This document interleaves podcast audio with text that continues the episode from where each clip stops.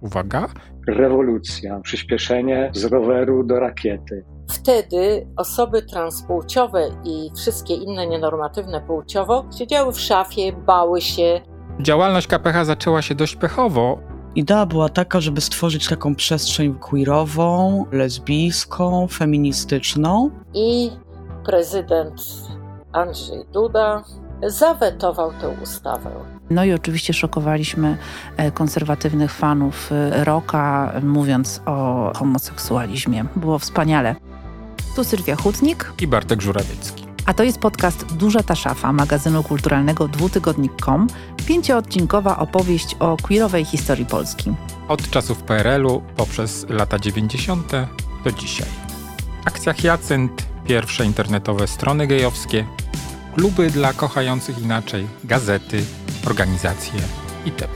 Opowiadamy o tym, co ukształtowało współczesny ruch praw osób nieheteroseksualnych, o naszej powojennej queer story aż do czasów prawie współczesnych. Oprócz nas o przeszłości opowiadają zaproszeni przez nas goście i gościnie.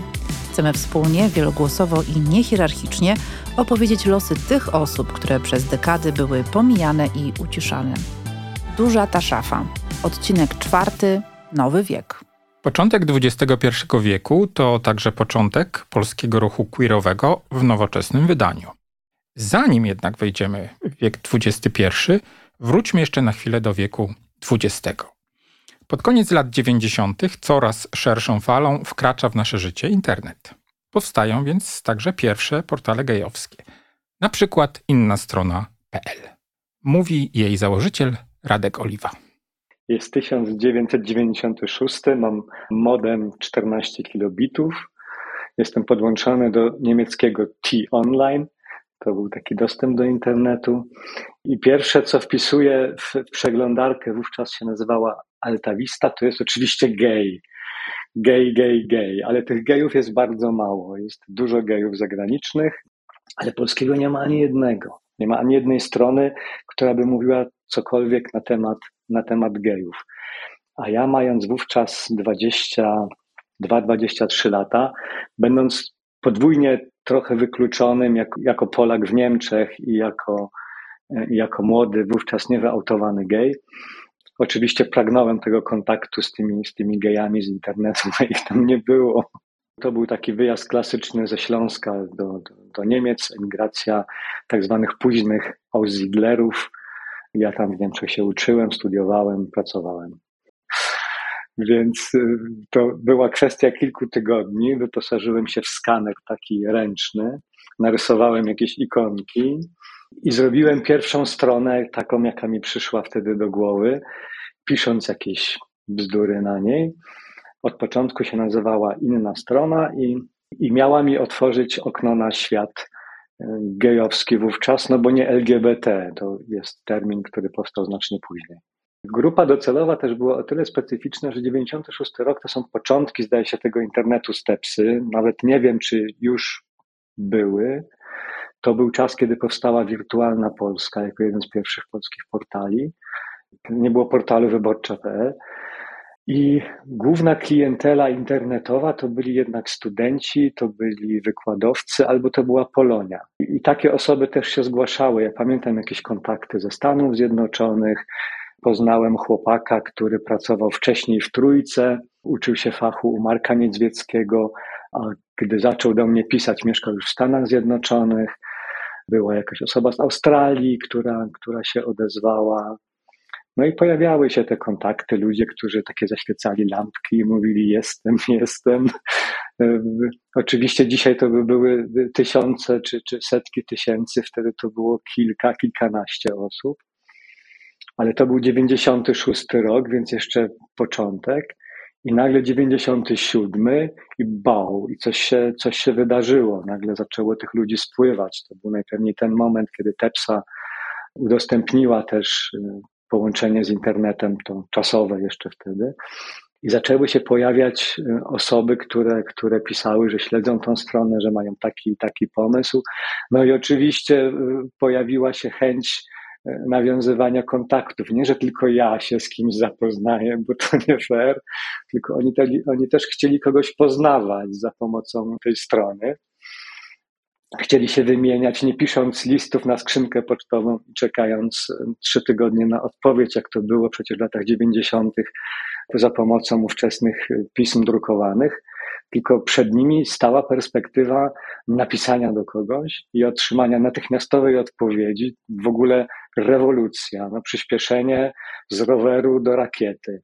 I to powstało też w miarę szybko, czyli obok tam jakichś pierwszych prób pisania newsów, opisywania jakichś książek, jakichś filmów, bardzo szybko na stronie pojawiły się ogłoszenia, które nazywały się wówczas kontakty. Ja nie potrafiłem pisać kompletnie, waliłem takie byki, że pła. Ale nie zniechęciło mnie to zupełnie. Po kilku latach pojawił się facet, którego może niektórzy y, słuchacze znają, y, Janusz Marchwiński. To był facet, który mieszkał wtedy jeszcze w Niemczech, był dziennikarzem między innymi Radia Wolna Europa i on się zainteresował tym portalem, wychodząc z założenia, że to będzie jakaś firma za tym stała, y, na pewno, która taki biznes prowadzi w Niemczech i odwiedził mnie Tymczasem ja, ja byłem dwudziestokilkuletnim studentem mieszkającym w piwnicy, co go trochę zdziwiło. I tak się poznaliśmy. I on przez długi, długi czas pomagał mi w tym portalu, to znaczy pisał jako Janusz Marchwiński, ale nie tylko, nie, nie zdradzę jego e, licznych osobowości. Pisał wspaniałe teksty, które gdzieś tam jeszcze istnieją. Pisał teksty o spodniach, o wytryskach, o pryszczach, o polityce, jakby był naprawdę kompletnie nieograniczony tematycznie. I robił to przez, myślę, jakieś 7-8 lat, aż doszło do oczywistego rozłamu między nauczycielem a uczniem, który w pewnym momencie stwierdza, że i tak wie wszystko lepiej. Posprzeczaliśmy się tam o jakiś, o jakiś szczegół. I tą współpracę wówczas zakończyliśmy. No i wtedy to był też czas, gdy ten portal zaczął się w jakimś stopniu komercjalizować, choć to może zbyt, zbyt, zbyt wielkie słowo mm, do tego, że tam nigdy nie pracowało więcej niż dwie osoby, że to zawsze jednak był jakiś taki mm, biznes bardziej z serca niż z kieszeni. Czasami był deficytowy, czasami był zyskowny, natomiast nigdy nie był wielki. I to przez, przez bardzo długi czas funkcjonowało. W tej chwili, po 26 już latach, nadal jakoś funkcjonuje, choć bardziej jakoś niż funkcjonuje, ale w tej chwili zatrudniam już, nie wiem, piątą generację.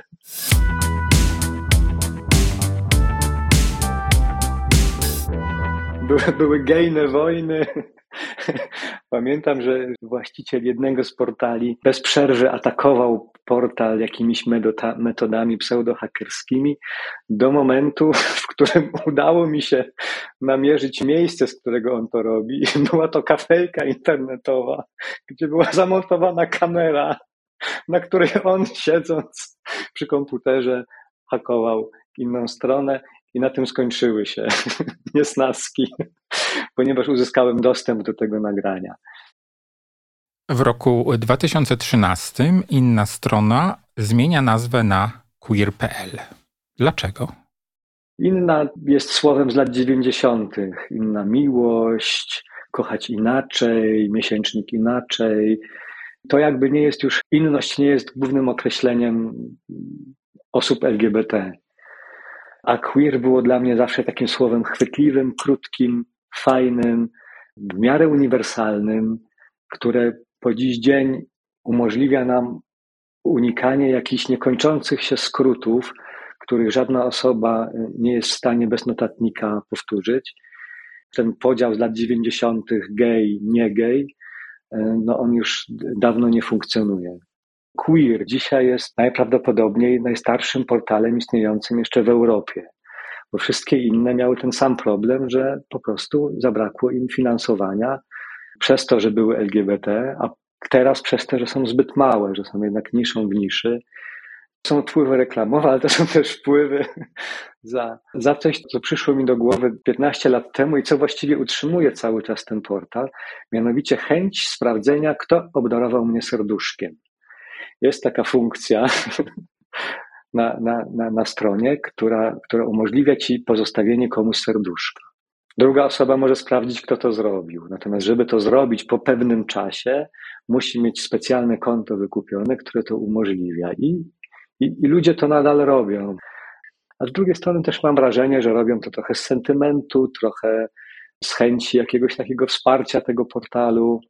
Więc dzięki temu to się trzyma i też dzięki temu, że ja nigdy nie, nie wpadłem w jakąś gigantomanię, nie tworzyłem jakichś, nie wiem, biur, e, redakcji lokalnych, szklanych biurowców, tylko mając trochę świadomość, że to jest działalność lokalna, mm, na wpół zarobkowa, na wpół hobbyistyczna, ten mniejszy kaliber chyba pozwolił temu uniknąć zderzenia się ze ścianą, co na przykład w Niemczech było regularne, gdzie powstawały spółki akcyjne, które kierowały jednym portalem, co było skazane oczywiście na bardzo szybką Начнется.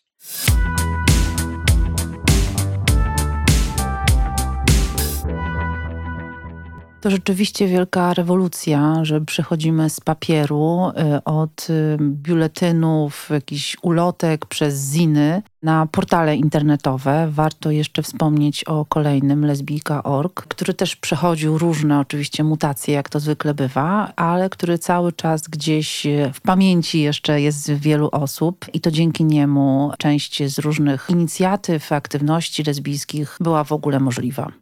Przejdźmy w takim razie od portali internetowych do organizacji. Tak jak powiedział Radek Oliwa, na przełomie stuleci my, ludzie spod znaku tęczy, jesteśmy inni. Tak postrzegamy siebie, tak postrzega nas społeczeństwo. No i ta inność wywołuje często wrogie reakcje, homofobię otwarcie wówczas demonstrowaną. Tak więc organizacje queerowe z tamtego czasu nie tyle może walczą o równe prawa, co właśnie walczą z homofobią, transfobią. Nieprzypadkowo y, najsilniejsza do dzisiaj z tych organizacji nosi miano kampanii przeciw homofobii. Ponieważ y, no, maczałem palce, przyznaję się, w powstaniu KPH, więc teraz troszkę ja sam poopowiadam. Otóż zaczęło się od tego, że w letnie miesiące roku 2001 przeczytałem ogłoszenie, które na jednym z portali gejowskich, bodaj było to gejowo.pl, nie pamiętam dokładnie, dał niejaki Robert Biedroń. No i tam napisał, że chce założyć organizację, szuka ludzi chętnych do współpracy, a ponieważ sam e, no, poczułem wtedy wreszcie chęć działania, bo naprawdę irytowała mnie, e, eufemistycznie mówiąc, ta panująca, wylewająca się zewsząd homofobia, odpowiedziałem na to ogłoszenie.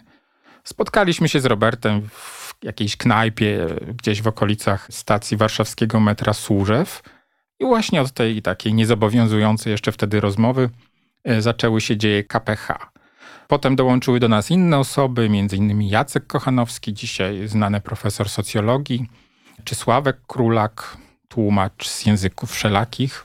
Organizacja powstała i proszę sobie wyobrazić, że pierwsza konferencja prasowa KPH odbyła się, uwaga, 11 września 2001 roku. E, Super data. Tak, także nie muszę chyba mówić, prawda, dlaczego nie przyszło zbyt wielu dziennikarzy na tę konferencję.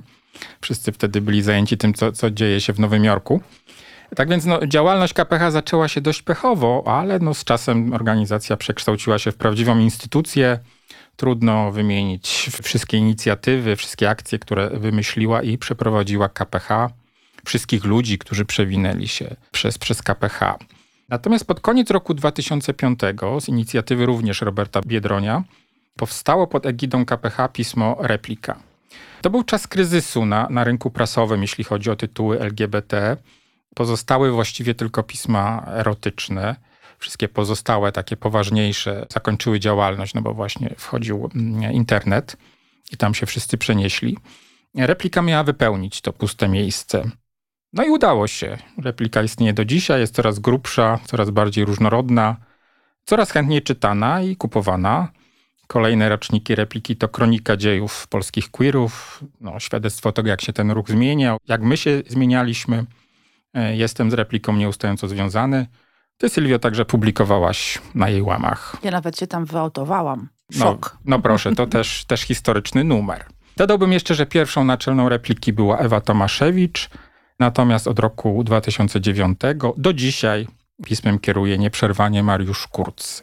Myślę, że to właśnie, że udało nam się wszystkim przetrwać tyle lat, że nadal działamy, no, świadczy jednak o, o sile ruchu tęczowego, o tym, że on jednocześnie okrzepł i, i dalej się rozwija. Po Kapechu przyszły kolejne organizacje. Jedną z nich to Fundacja Transfuzja. O jej początkach opowie Lalka Podobińska, działaczka społeczna, współzałożycielka, wieloletnia wiceprezeska, a później prezeska Fundacji Transfuzja. Lalka jest również fundatorką i członkinią Rady Fundacji LGBT Business Forum. Jest współzałożycielką Stowarzyszenia Miłość Nie Wyklucza, kolejnego bardzo prężnie działającego antyhomofobicznej e, fundacji. No i mm, przez wiele lat pełniła funkcję dyrektorki Biura Poselskiego Anny Grodzkiej, a nam opowie o początkach największej transgenderowej organizacji w Polsce. Podcast Duża ta szafa. Queerowe historie Polski. Ja zetknęłam się ze sprawami osób transpłciowych po raz pierwszy na portalu crossdressing.pl.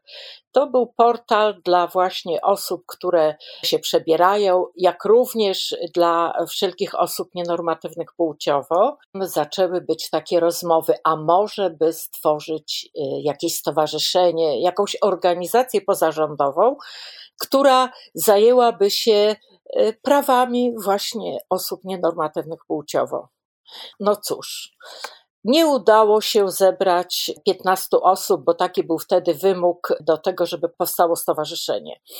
Wtedy osoby transpłciowe i wszystkie inne nienormatywne płciowo siedziały w szafie, bały się, że ktoś dowie się o tym, że one są takie, a nie inne. Może jeszcze transfobia nie była e, tak silnie zauważalna, może dlatego, że niewiele osób w ogóle wiedziało, co to takiego jest ta transpłciowość, co to jest ta nienormatywność płciowa, czym to się je i tak dalej. No i dlatego te osoby po prostu mówiły, owszem, no i tak, jesteśmy takie, ale nie chcemy, e, nie chcemy podawać swoich e, imion, swoich nazwisk, bo to wszystko się znajdzie w Krajowym Rejestrze Sądowym i na tym e, po prostu stanęło. E, zaczęły się rozmowy kilku osób, że może jednak stworzyć fundację w takim razie. E, to nie trzeba aż tych 15 osób, wystarczy po prostu kilka, które włożą jakieś pieniądze w to. Zaczęliśmy tworzyć e, statut, i tak powstała Fundacja Transfuzja. Fundatorów może, może lepiej bym powiedziała, że fundatorek było wtedy pięć. Przede wszystkim Ania Grocka, byłam ja, Woka Ilnicka, Ania Puchała oraz Zuzka, Mówię Zuzka, mimo że do tej pory Zuzka występuje prywatnie jako mężczyzna, ale my mówimy, że było nas pięć fundatorek Fundacji Transfuzja. W 2008 roku podpisałyśmy akt założycielski Fundacji Transfuzja, a w lipcu, 8 lipca 2008 e, roku została Fundacja Transfuzja wpisana do KRS-u. Głównie chodziło nam o oswajanie transpłciowości, powiedzieć ludziom, co to takiego ta transpłciowość jest w ogóle. Robiliśmy warsztaty dla różnych, czy to organizacji, czy, dla, czy na uczelniach, tam gdzie nas zapraszali. Później robiliśmy różne badania. To wszystko tak powolutku się rozkręcało. Wszystko robiliśmy z własnym, własnym sumptem. E, ja e, w bagażniku woziłam całe nasze biuro, czyli, e, czyli wiesz, wszystkie dokumenty, dokumenty, y, komputer. Muszę powiedzieć, że do tej pory y, nie udało się stworzyć y, ustawy o uzgodnieniu płci, chociaż dzięki Ani Grodzkiej, która stworzyła tak zwaną Lex Grodzka, czyli była to właśnie ustawa o uzgodnieniu płci, i to była ustawa firmowana przez ruch Palikota, właściwie w tym momencie to już był tak zwany Twój ruch, i ta ustawa przeszła cały etap legislacyjny. E, została zatwierdzona w Sejmie, e, została przyjęta w Senacie. Następnie w Sejmie zostały przyjęte, częściowo przyjęte, częściowo odrzucone poprawki Senatu i ustawa trafiła w 2015 roku Niestety y, już nie do prezydenta Komorowskiego, ale do prezydenta Andrzeja Dudy. I prezydent Andrzej Duda zawetował tę ustawę. Ta ustawa była pierwszą ustawą zawetowaną przez nowego prezydenta w roku 2015. Już się cieszyliśmy, już, już wiedzieliśmy, myśleliśmy, że, że wszystko jest za nami, za nami, że ułatwimy życie osobom transpłciowym, że, że procedura e, zmiany prawnej E, dokumentów będzie dużo łatwiejsza, że nie trzeba będzie pozywać do sądu własnych rodziców po to, żeby zmienić oznaczenie e, płci w swoich dokumentach. No i cóż, okazało się, że nic z tego. Mało tego, e, na ostatnim dniu, podczas ostatniego, podczas ostatniego posiedzenia Sejmu, przed właśnie to już była ostatniej siódmej kadencji Sejmu, odbyła się wspólna komisja, Komisja Zdrowia i Komisja Praw Człowieka, które te obie komisje postanowiły odrzucić weto prezydenta zarekomendowały odrzucenie weta prezydenta. Niestety do tego nie doszło, ponieważ, no niestety, Platforma Obywatelska e, tak to do tego doprowadziła, że e, nie udało się ustalić posła sprawozdawcy. Żaden z zaproponowanych posłów nie uzyskał większości e, członków komisji. W związku z tym nie, nie odbyło się, nie, nie, nie udało się odrzucić weta prezydenta, a była na to szansa. W XXI wieku powstają też pierwsze audycje radiowe poświęcone osobom LGBTQ i to audycje w poważnych stacjach radiowych. To już nie są przelewki. Na przykład Lepiej późno niż wcale jest w TOK FM i o początkach tej audycji opowie nam Katarzyna Szustow, kuratorka, producentka projektów artystycznych i społecznych, od jakiegoś czasu koordynatorka scen intymności w teatrze i w kinie. Pierwsze audycje Lepiej późno niż wcale nakładają się z zamknięciem klubu Le Madame, czyli to są, to są wakacje 2006. E, Le Madame jest zamknięte wiosną 2006 roku, potem tak my się gdzieś kręcimy między tombą, tombą i pamiętam, że Krystian Legierski razem z Mariuszem Kurcem zaczynają prowadzić e, te audycje. Później tam się coś dzieje, nie wiem dokładnie jak to wyglądało, ale dołącza Krzysiek, Krzysiek Tomasik, albo on jest od samego początku, ale wydaje mi się, że nie. E, jak i Janna Piotrowska mm, prowadzi razem z Krystianem. Te, te, te audycje zawsze są prowadzone tak co dwa tygodnie, jest tak zwana sekcja kobieca albo sekcja męska. Tak to wymyśliła Ewa Wanat, mm, wtedy redaktor naczelna. Też pojawia się Anka Z. Y, I moment, kiedy Krystian chyba zostaje sam na placu boju, a wchodzi do Rady Warszawy, to jest chyba rok 2010, mm, powoduje, że on jako polityk nie może pracować w mediach, więc to jest moment, kiedy on musi odejść. Y, ja się odzywam do Ewy Wanat, mówiąc, że chyba fajnie by było być może mieć kobietę nieheteronormatywną, która prowadzi taką audycję wyautowaną y, i dość nie mającą tutaj wątpliwości na swój temat i na temat swojej tożsamości, aczkolwiek ona jest wiecznie w ruchu, więc e, taka kategoria nazwania się lesbijką dalej jest mi gdzieś obca, aczkolwiek jako konkretny podmiot tożsamościowy wspierający e, inne kobiety nieheteronormatywne, używam go. E, no ale właśnie, więc taki z jednej strony też taki mój jakby e, bycie osobą publiczną, nieheteronormatywną, niekoniecznie nazywającą się lesbijką, to taki coś jest migotliwe od lat. I my pracujemy co dwa tygodnie, mam audycję. Na początku pracujemy za darmo przez wiele lat. W momencie zmiany redaktor naczelny na Kamilę Ceran dostajemy propozycję unormowania tej relacji z Agorą, a też dostajemy propozycję zmiany godziny, bo pierwsze audycje lepiej później niż wcale chyba były nawet o trzeciej nad ranem, potem było drugiej. Ja zaczynałam od, o godzinie 00 albo nawet o pierwszej. Obecnie od lat wydaje mi się, pięciu, może nawet więcej. Prowadzimy audycję o godzinie 21, czyli w prime time dostajemy pieniądze tak samo jak koledzy i koleżanki hetero z redakcji, czyli jest pełna równość i co mogę powiedzieć śmiało, nigdy nie dostaliśmy pół pytania, reprymendy bądź takiej sugestii, że powinniśmy inaczej prowadzić tę audycję, co dla mnie jest taką no, wielką zaletą i, i, wielkim skarbem, że nigdy ta tak zwana większość hetero nas nie próbowała ustawić w swojej narracji. Czy to jest jedyna audycja, do niedawna teraz podcastów mamy masę, bardzo mi one cieszą, ale w takim mainstreamowym radiu, która jest prowadzona przez osoby niehetero dla osób niehetero i pozwolono nam rozmawiać w swoim sposób, w swoim stylu, swoim językiem, do naszej e, społeczności, naszych braci i sióstr. I e, no, dla mnie to jest taki, taki, taka godzina, dwie godziny w miesiącu, kiedy się spotykam z osobami e, działającymi aktywnie, aktywistami, aktywistkami, no ale też osobami, które po prostu są legendą dla mnie, czyli Rysia Czubak, czy Ewa Hołuszko, Ryszard Kisiel, osoby, dzięki którym ja istnieję i mam taką siłę, jaką mam, które zapewniły mi pewną przestrzeń wolności w Polsce, jak i z osobami dużo, dużo, dużo młodszymi, które na przykład w ogóle nie pamiętają Lemadam, nie wiedzą e, za bardzo nic o ruchu i o historii ruchu LGBT+. I dobrze, bo są bardzo młodzi, też nie muszą wiedzieć w tym momencie, ale to jest zawsze bardzo fajne spotkanie, jak tak e, widzę, że ktoś tak naprawdę się gdzieś pojawia i tak po prostu jest e, i go przyjmujemy pod nasze te skrzydełka i wspieramy, no bo to jednak jest poważne medium, nas słucha 120 tysięcy osób co minutę ponoć.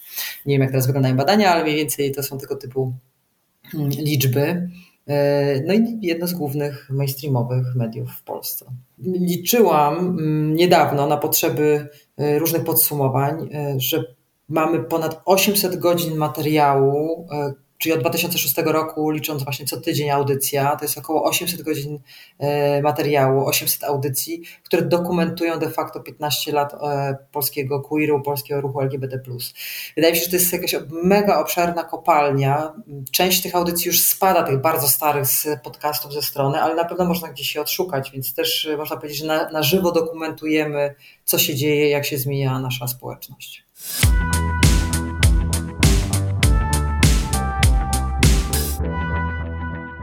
Przy okazji audycji radiowych warto również wspomnieć o audycji Gejzer. Ty powiedziałeś, Bartku, o swoich początkach w Kapechu i początkach tej organizacji w ogóle. Ja w takim razie opowiem też chwilkę o sobie, ponieważ współprowadziłam audycję Gejzer, wspólnie zresztą z wcześniej wspomnianym Krystianem Legierskim. To był rok 2004.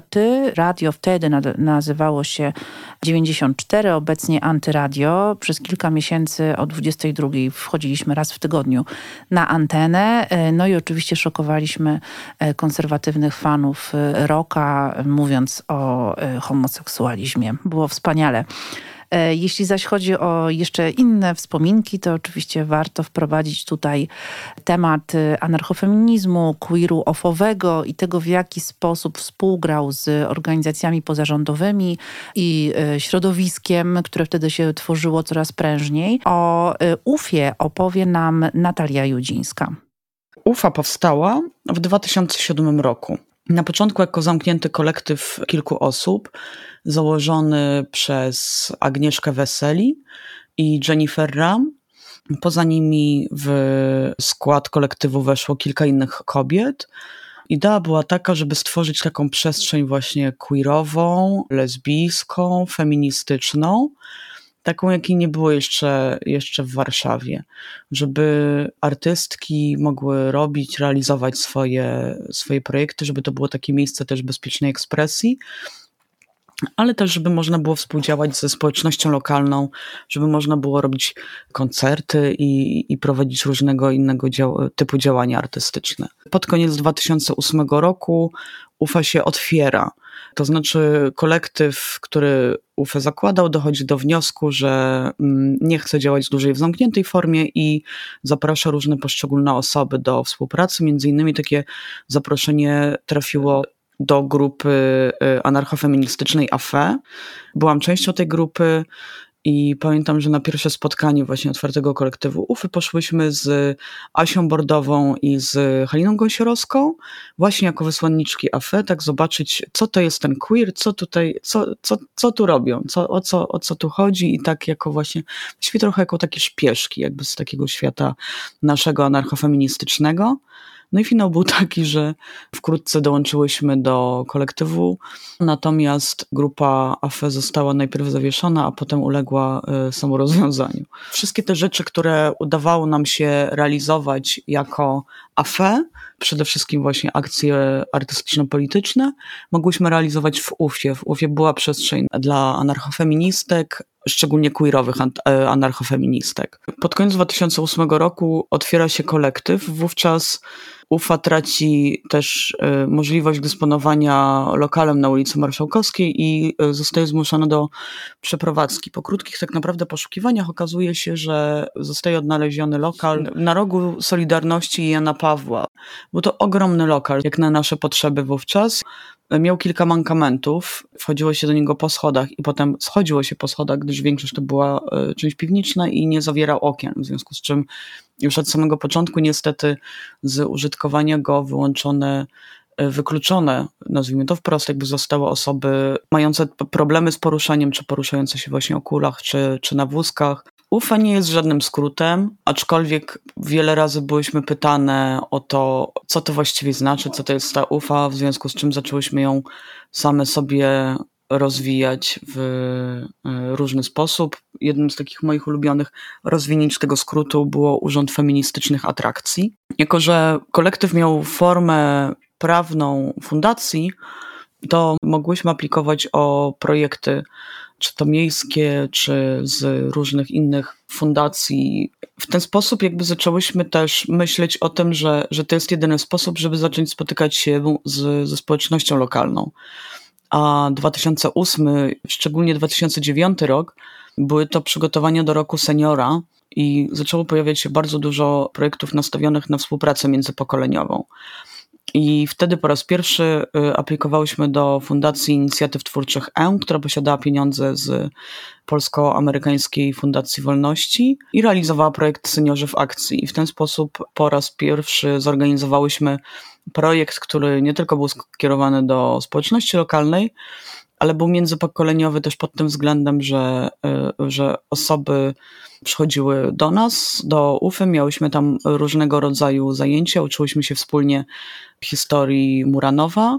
Jedna część to było, że uczestniczki projektu robiły zdjęcia i w międzyczasie była wystawa fotografii, a drugie to było, i to, jest, to był taki duży finał tego projektu, to była mapa emocjonalna Muranowa. Był to czas taki bardzo szczególny. To był początek tak naprawdę kilka pierwszych lat po wejściu Polski do Unii Europejskiej, kiedy Polska wchodziła dopiero do strefy Schengen. Zaczął się pojawiać właśnie ten queer, ale tak naprawdę jeszcze przed samą kontestacją LGBT, w związku z czym bardzo, bardzo silnie, w sensie jako idei postrzegania tożsamości jako właśnie szufladki, tylko jakby odmawiania tej tożsamości w tym rozumieniu. UFA była też takim miejscem, które przygarniało grupy, które nie miały domów, które dopiero się zawiązywały. Na przykład e, pierwsze spotkanie miała u nas e, Fundacja Transfuzja i bardzo się z tego cieszę, patrząc teraz, jak właśnie Emilia Wiśniewska, która jest obecnie prezeską Fundacji Transfuzja, była wcześniej związana właśnie z kolektywem UFA. W ten oto sposób UFA się stała takim przedziwnym miejscem, to znaczy realizowałyśmy projekty międzypokoleniowe, ale też właśnie projekty historyczne, a wieczorem była to w cudzysłowie pedalska imprezownia. Organizowałyśmy różnego rodzaju koncerty, również punkowe, osób wrażliwych genderowo, ale też y, tak zwane zwykłe potańcówki. Były występy drag kingów i drag queen. Miejsce to służyło też, miało swoją własną garderobę dla osób trans, to znaczy, że mogły przyjść w takim stroju, w jakim chciały, natomiast jakby w trakcie imprezy mogły wyrażać swoją płciowość już w sposób taki, w jaki chciały ją wyrażać, bez zagrożenia. Ten odcinek jest jednocześnie zanurzony w przeszłości i wychylony w przyszłość. Patrzymy na to, co się działo w ostatnich 20 latach no i zadajemy sobie pytanie, co się będzie działo w przyszłości. Jak będzie wyglądał ruch LGBTQIA? Na pewno jest on teraz bardzo różnorodny, reprezentuje bardzo rozmaite środowiska, rozmaite postawy, wykorzystuje coraz to nowe środki wyrazu, technologie, media. Mamy replikę, mamy audycje radiowe, blogi, vlogi, portale informacyjne. Jesteśmy na portalach społecznościowych, w internecie, tworzymy podcasty i tak dalej i tym podobne. Nie wiem jak ty, Sylwio, ale ja Jeśli miałbym czegoś nam wszystkim życzyć, to przede wszystkim solidarności, wzajemnego wsparcia, bo, bo z tym różnie wciąż bywa. No ale wierzę, że, że będzie tylko lepiej. Słuchaj, w każdej chwili możemy zapytać się wróżbity Macieja, jak będzie, bo on też się wyautował na łamach repliki, więc y, możemy wiedzieć, y, patrząc na kulę albo karty tarota, co się dalej z nami stanie. Natomiast wiemy, co będzie w kolejnym odcinku. W kolejnym odcinku porozmawiamy o zabawie, wbrew sytuacji społeczno-politycznej i homofobii, e, wchodzącej w każdy aspekt naszego życia. Uwielbiamy się bawić, imprezować, randkować, oczywiście robić dramy i skandale. Będzie to z pewnością najbardziej podniecający odcinek naszego podcastu. Podcast Duża ta szafa powstaje w ramach projektu Home Nienormatywne historie Polski, realizowanego przez dwutygodnik przy wsparciu ambasady USA w Polsce. Koncepcja Bartosz Żurawiecki. Scenariusz i prowadzenie Sylwia Hutnik i Bartosz Żurawiecki. Redaktorka prowadząca Agnieszka Słodownik. Montaż Sylwia Hutnik, Agnieszka Słodownik, Studio Plac. Realizacja i produkcja Studio Plac. Wydawca dwutygodnika Dom Spotkań z Historią. Nagranie i produkcja Studio Plac.